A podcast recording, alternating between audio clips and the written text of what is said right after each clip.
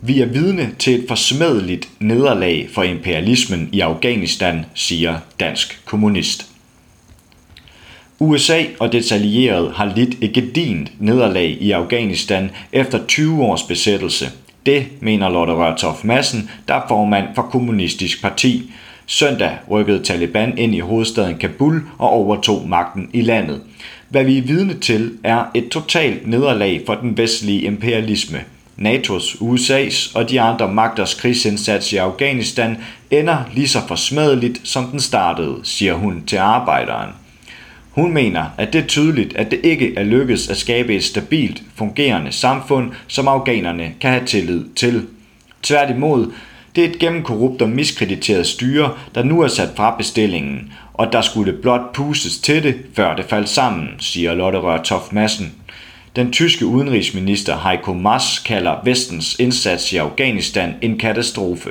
Lederen af det britiske underhus udenrigskomité, den konservative Tom Tugendhat, kalder tilbagetrækningen af tropper fra Afghanistan Storbritanniens største udenrigspolitiske katastrofe siden Suezkrisen i 1956. Han tilføjer, at Storbritannien har svigtet det afghanske folk. Onsdag er underhuset i London hasteindkaldt Mandag holdt FN's Sikkerhedsråd hastemøde om situationen.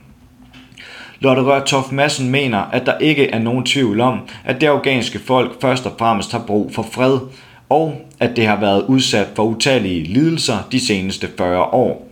Talibans magtovertagelse betyder ikke stop for lidelserne. Taliban er ikke den eneste militære og politiske magtfaktor i Afghanistan, der jo ikke har en central magt, der rækker ud i alle afkroge af samfundet. Landet er præget af klaner og lokale krigsherrer, ligesom både al-Qaida og IS er aktive på afghansk jord. Så det er på alle måder en meget usikker fremtid, afghanerne går i møde, lyder analysen fra Lotte Rørtoff Madsen, der følger udviklingen tæt.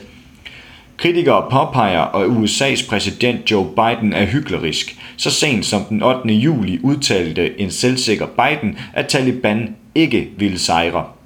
Den afghanske krigsherre tæller 300.000 mand og er særdeles stærk, sagde Joe Biden. I de vestlige hovedstader råder der nu overraskelse, tvivlrådighed og vrede og bitterhed over for USA, som de opfatter har ladt dem i stikken, siger Lotte Rørtoft Madsen. Der stilles spørgsmålstegn ved de nuværende alliancer. Skal vi virkelig blive ved med fremover at forlade os på USA, eller skulle vi hellere her i Europa agere selv militært? Det er ikke en ny debat, men der er ingen tvivl om, at de seneste ugers skældsættende udvikling i Afghanistan vil give næring til EU-landenes militære dimension, siger Lotte Rørtoft Madsen. Lotte Rørtoft Madsen mener, at vi set i et lidt bredere perspektiv er vidne til et imperium, der i den grad er på retur. USA taber grund, men forsøger også at omstrukturere sig og gøre sig klar til et opgør med et fremstormende Kina. Derfor øges den militære tilstedeværelse andre steder i Centralasien, lyder det fra formanden for Kommunistisk Parti. Stifteren af den amerikanske fredsorganisation Code Pink, Medea Benjamin, kræver på Twitter, at de ansvarlige for 20 års episk fiasko skal stilles til regnskab for de tusinder af afghanere og amerikanere, der blev dræbt og lemlæstet til ansvar for de tabte milliarder og de utallige løgne, vi blev fodret med, skriver hun. Lotte Rørtoft Madsen mener også, at det må få konsekvenser i Danmark. Danmark deltog i besættelsen fra 2002 til 2021. De danske de sidste danske soldater blev trukket ud den 22. juni i år. 44 danske soldater er døde i de år.